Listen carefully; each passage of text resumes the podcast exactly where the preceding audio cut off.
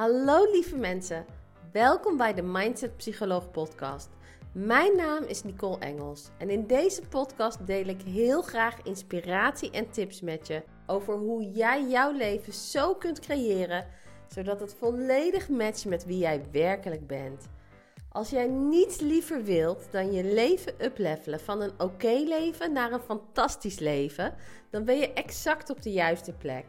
Het is mijn doel met deze podcast om jou te helpen ontdekken hoe jij alles waar jouw hart naar verlangt kunt gaan doen, hebben en zijn. Zie deze podcast als jouw regelmatige dosis van mindsetontwikkeling, waarin ik je vele tools, strategieën en inzichten aanreik die jou gaan helpen om in de identiteit te stappen van de versie van jou die je mooiste dromen al leeft. Ik heb er weer super veel zin in. Dus dankjewel dat je luistert vandaag en laten we beginnen. Feel free, be who you really are, and do what you love. Good things will happen. Hey lieve mensen, welkom bij een nieuwe aflevering van de Mindset Psycholoog podcast. Uit bad, vanuit bad. Dus misschien hoor je het wel. En dat komt omdat ik aan het oefenen ben met iets nieuws, namelijk progressie voor perfectie. Ehm, ik wil veel waarde geven, ik wil veel delen en ik werk een beetje met de tijd die er is. Ik had net echt hele harde buiken. Ik zit in de laatste twee weken van de zwangerschap van de tweede. En toen dacht ik, ik wil ook een podcast opnemen. Ik denk, hoe kunnen we daar nou een win-win van maken? Dus vanuit bad, even ontspannen. Terwijl ik een stuk inspiratie met je deel. Of wat ik hoop dat inspirerend is. Want waar wil ik het met je over hebben vandaag? Ik wil het met je hebben over afscheid nemen van je oude leven. Op het moment dat een droom of een manifestatie afkomt. En dat dat soms nodig is om ervoor te zorgen dat je kunt genieten van datgene waar je naar verlangde. Of om ervoor te zorgen dat de, hetgene wat je hebt gecreëerd, dat dat door blijft gaan, dat dat groter blijft worden. Ehm, en laat me uitleggen wat ik daarmee bedoel. Ik kom net uit een sessie met een coach. Want ik dacht, ik wil iemand die mij coacht die eerste periode na de bevalling. Want ik weet bij Evie dat dat echt veel tijd heeft gekost voor mij. Voordat ik me weer helemaal Nicole voelde. Voordat ik weer het gevoel had van... hé, hey, ik ben die sterke, krachtige vrouw. Die vrouw die haar eigen leven kan creëren. Die vrouw die uh, weet hoe ze uh, continu, als ze zich niet goed voelt, weer goed kan voelen. Um, dat waren dingen die ik me zo eigen hadden gemaakt. En die waren zo vertrouwd geworden. Alleen ineens ervoer ik toen Evie er was dat ik helemaal geen tijd meer had om al die dingen te doen die mij hielpen. En ik vond dat heel lastig om mee om te gaan. Um, dus als jij zelf nou geen kinderen hebt, um, weet dat je dit op elke situatie kan toepassen. Dit kan ook toegepast worden op als jij nu een geweldige relatie hebt en je merkt van hé, hey, soms verlang ik naar elementen van het leven wat ik had als single of toen ik alleen was. Of als je nu bijvoorbeeld nieuw werk hebt of een eigen bedrijf bent begonnen en je denkt van hé, hey, ja, dit is leuk en ik word hier blij van, maar tegelijkertijd, dit is wat ik wilde en tegelijkertijd verlang ik ook naar elementen van hoe het was. En zeker als je daar wat van vindt, omdat dat is sowieso iets wat dan onze energie heel erg dempt en zorgt dat onze frequentie zich verlaagt. Um, en in de wet van aantrekking werkt het gewoon zo: hoe beter jij je voelt, hoe meer jij je aantrekt om je beter over te voelen. Dus wat gebeurde er bij mij uh, toen ik net Evie had gekregen? Allereerst was ik op slag verliefd. Ik bedoel, het is een prachtig meisje. Ik voelde me meteen haar mama. Um, en ik was ook heel dankbaar dat zij voor ons had gekozen. Dat geloof ik dan. En dat ze bij ons wilde zijn. En dat wij haar ouders mogen zijn. Uh, maar wat er ook gebeurde, dus naast die enorme immense liefde die, er voelde, die ik voelde, merkte ik ook dat ik het lastig vond om om te gaan met het feit dat er ineens 24/7 iemand is die iets van je nodig heeft. Die iets van mij nodig heeft. Waar ik voorheen kon doen wat ik wilde doen op het moment dat ik het wilde doen. Dus als ik behoefte had om het te ontspannen, ging ik mij ontspannen. Als ik behoefte had om me te laten inspireren, Dan nam ik daar de tijd voor als ik behoefte had om bij wijze van tien uur achter elkaar te knallen en te werken. Dan deed ik dat. En ineens was die ruimte er niet meer. Ineens voelde ik die ruimte er niet meer, omdat ik een ritme had van haar waar ik rekening mee moest houden, omdat ze kan zichzelf niet voeden, ze kan zichzelf niet kleden, ze kan zichzelf niet verschonen, ze heeft mij letterlijk voor alles nodig, ze kan zichzelf niet troosten. En natuurlijk doe je dat met liefde voor je kind, maar ik merkte ook dat die dingen die ik nodig heb voor mezelf, waar ik goed op ga, waar ik blij van word, die schoten er structureel bij in. Waardoor ik mij um, in de beginperiode na de zwangerschap best wel vaak eenzaam heb gevoeld of verloren heb gevoeld. Ik voelde me niet meer die krachtige, zelfverzekerde Nicole die wist hoe ze haar mooiste leven moest creëren, die stap voor stap haar doelen waarmaakte. Nee, ik voelde me meer iemand die in dienst stond van. Uh, ik had soms het idee van: ik heb helemaal geen tijd meer voor mezelf. Hoe ga ik ooit de rest van mijn dromen waarmaken? Um, en tegelijkertijd vond ik daar heel veel van. Dat ik ook zoiets had, weet je, er zijn zoveel mensen die zouden verlangen naar een kindje. Er zijn zoveel mensen die zouden willen dat ze in mijn positie zitten.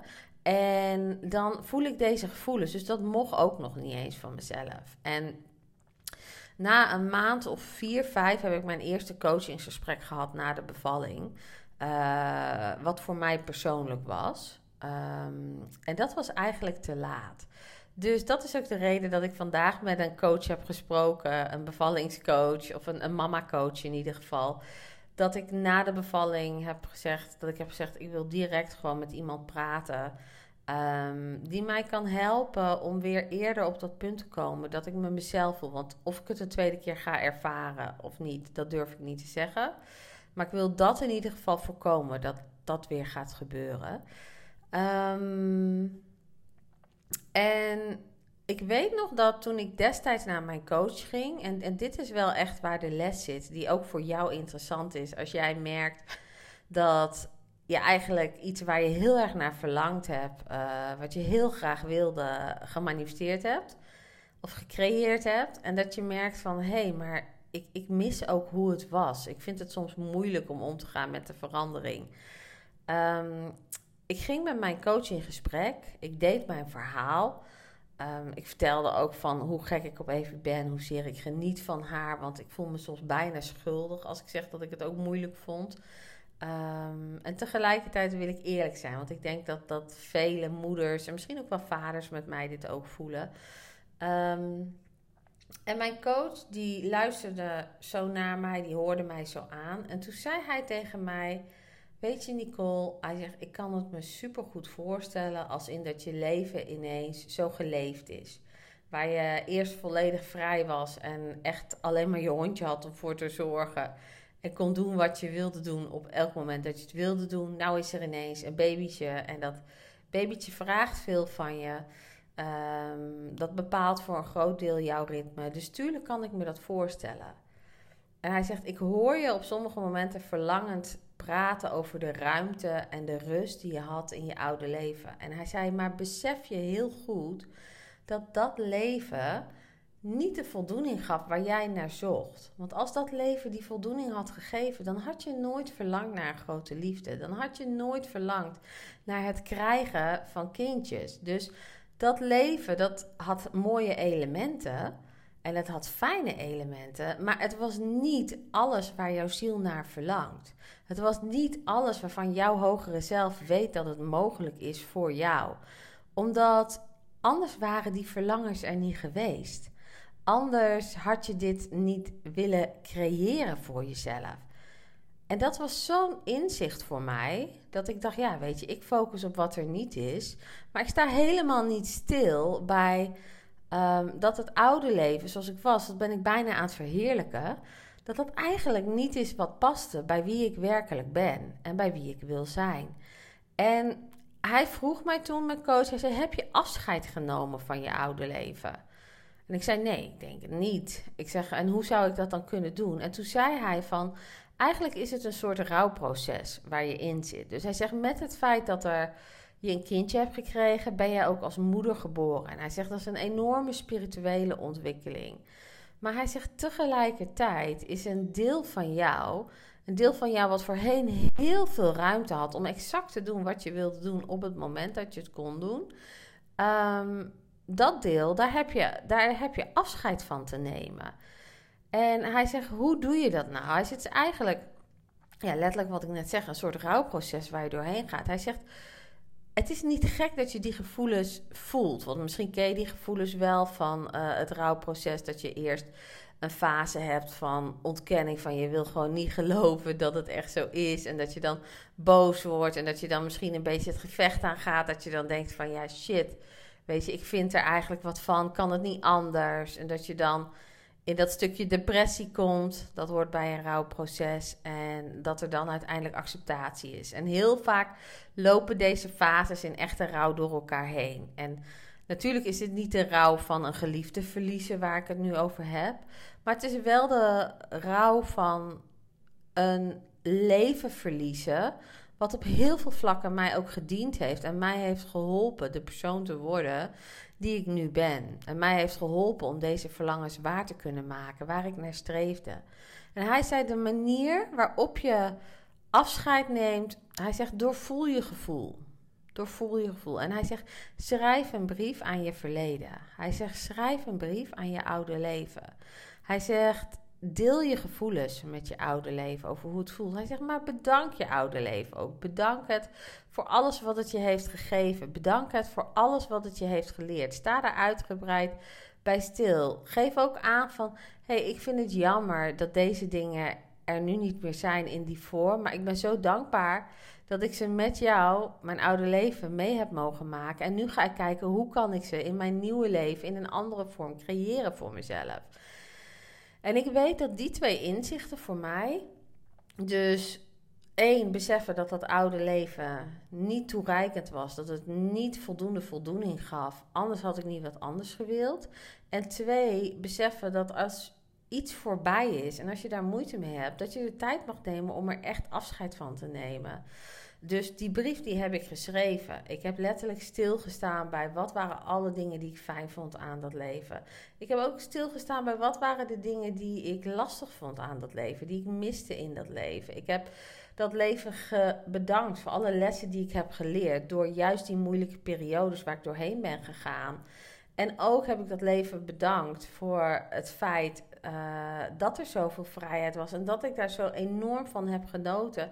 En dat dat leven mij geholpen heeft om te zijn waar ik nu ben. Want heel eerlijk, op dit moment heb ik een heerlijke vent, een heerlijke relatie en ik heb een geweldige dochter. En tuurlijk is het druk en tuurlijk ben ik soms bezig met kijken van oké, hoe kan ik die balans creëren zodat ik en tijd voor mezelf heb maar ook voldoende tijd voor haar. Want ik wil gewoon op die mama dagen wil ik present zijn. Wil ik niet met mijn telefoon, niet met mezelf bezig zijn. Wil ik gewoon er voor haar zijn. En van haar genieten. Want ik weet dat ze maar één keer klein is. Um, en het toffe is dat het allemaal kan. En het toffe is ook dat op het moment dat ik mij besefte van dat oude leven is niet toereikend. En dat ik die brief had geschreven toen voelde ik zoveel rust. Toen voelde ik zoveel ruimte. Toen voelde ik zoveel acceptatie. Omdat ik ineens kon zien van zonder die periode had ik nu nooit kunnen hebben wat ik nu heb. En alles heeft zijn waarde.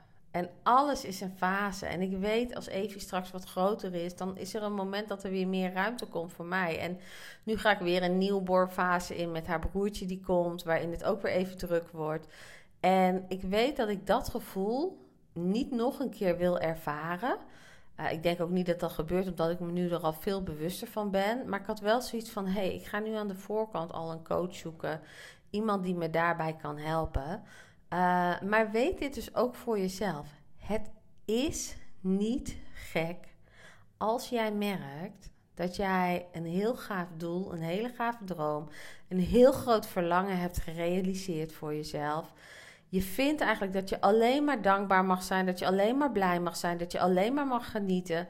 En je merkt dat je soms terugkijkt op hoe het was en dat je denkt, ja kak, maar dat mis ik ook. Het is niet gek. Het is menselijk, het hoort erbij. Alleen stel jezelf dan de vraag, weet je, sta stil. Op welke punten was dat oude leven, gaf het geen voldoening meer? Als het die voldoening had gegeven, had je nooit naar het nieuwe gestreefd. En stel jezelf ook de vraag: heb ik oprecht serieus afscheid genomen van dat leven? Heb ik dat leven bedankt voor wat het mij heeft gegeven? Heb ik daarbij stilgestaan? Heb ik daarop gereflecteerd? Heb ik daar tijd en aandacht aan gegeven? Um, zodat ik ook daadwerkelijk, zodat je ook daadwerkelijk dat boek kunt sluiten en er met een goed gevoel op terug kunt kijken. En vanuit dat goede gevoel kun je dankbaarheid voelen voor wat er nu is. Vanuit dat goede gevoel kun je uh, ook de mooie kanten zien van wat er nu is. En die kun je omarmen. En juist hoe meer jij focust op dat waar je nu van geniet, op dat waar je nu dankbaar voor bent, hoe meer jij aantrekt om van te genieten, hoe meer je aantrekt om dankbaar voor te zijn. Omdat energie trekt altijd aan wat aan zichzelf gelijk is. Dus dit inzicht heeft mij destijds enorm geholpen. Ik hoop dat het voor jou ook waardevol mag zijn. Um, ja, en ik wil je eigenlijk uitnodigen. Ga ermee aan de slag voor jezelf. Weet je, sta erbij stil en stel jezelf die vragen: heb ik dit al gedaan? Heb ik dit al gedaan? Weet je, geef jezelf niet op de kop. Heb er geen oordeel over, over het feit dat je niet alleen maar dankbaarheid voelt. Of dat je niet alleen maar aan het genieten bent. Want vaak is het niet het feit dat je niet alleen maar aan het genieten bent. Of dat je niet alleen maar dankbaar bent waar je last van hebt. Het is het feit dat je dat niet mag voelen van jezelf. Dat is waar je last van hebt. Dat is waar het echte oordeel zit. En dat is waar het stukje zelfliefde. Waar, kijk, als we onszelf afvallen, dat doet zeer. Dus ga jezelf weer serieus nemen in deze. Neem je gevoelens serieus. Doorvoel ze, laat ze er zijn. Laat het los. En ik heb je daar volgens mij nu een hele mooie tool voor gegeven. Zodat je vanuit die ruimte verder kunt gaan met het manifesteren van je mooiste leven. Stap voor stap. En de ene stap daarin is waarschijnlijk geweldig, mooi en helemaal over de top en over de moon. Wauw. En de andere stap daarin is misschien super eng of is moeilijk of kom je jezelf tegen. Net zoals ik dat had na de zwangerschap. En merk je echt dat je opnieuw met jezelf om moet leren gaan. En dat je nieuwe manieren moet gaan ontdekken voor jezelf die werken. Maar je kunt het. Je kunt het, want er zijn geen verlangens in jou, dat zei ik de vorige podcast ook al, die jij niet waar kunt maken. Jij bent een krachtig creator. Dus ik hoop zo dat deze podcast je mag dienen. Ik wens je hier heel veel plezier mee toe. Ik wens je hier heel veel succes mee toe. Um, en ik hoor heel graag of het nou via een DM is, of dat je me een mail stuurt. Laat me weten als je met deze oefening aan de slag gaat, wat het voor je doet. Super cool als je het met me deelt. En voor nu heb ik eigenlijk verder niet zoveel toe te voegen. ik ga nog even lekker genieten van mijn bad. Um, en ik zou zeggen, een heerlijke dag nog voor vandaag. En tot de volgende podcast. Ciao, ciao. Dankjewel weer voor het luisteren naar deze aflevering. Als je enthousiast wordt en waarde haalt uit wat ik met je gedeeld heb vandaag, dan zou ik het super tof vinden als je dit met mij wilt delen door een review achter te laten op iTunes. Ik vind het geweldig om te lezen op welke wijze deze podcast jou mag helpen. En hoe meer reviews, hoe beter de podcast gevonden wordt in iTunes en hoe meer mensen ik kan bereiken met mijn boodschap. Als je zeker wilt weten dat je niks mist, abonneer je dan op de podcast. En als je mij nog niet volgt op social media, volg me dan via Instagram of via mijn website themindsetpsycholoog.nl. Ik vind het geweldig leuk dat je luistert en ik kijk er naar uit om snel weer met je te connecten in de volgende aflevering. In de tussentijd wens ik je veel plezier toe met het waarmaken van je mooiste dromen.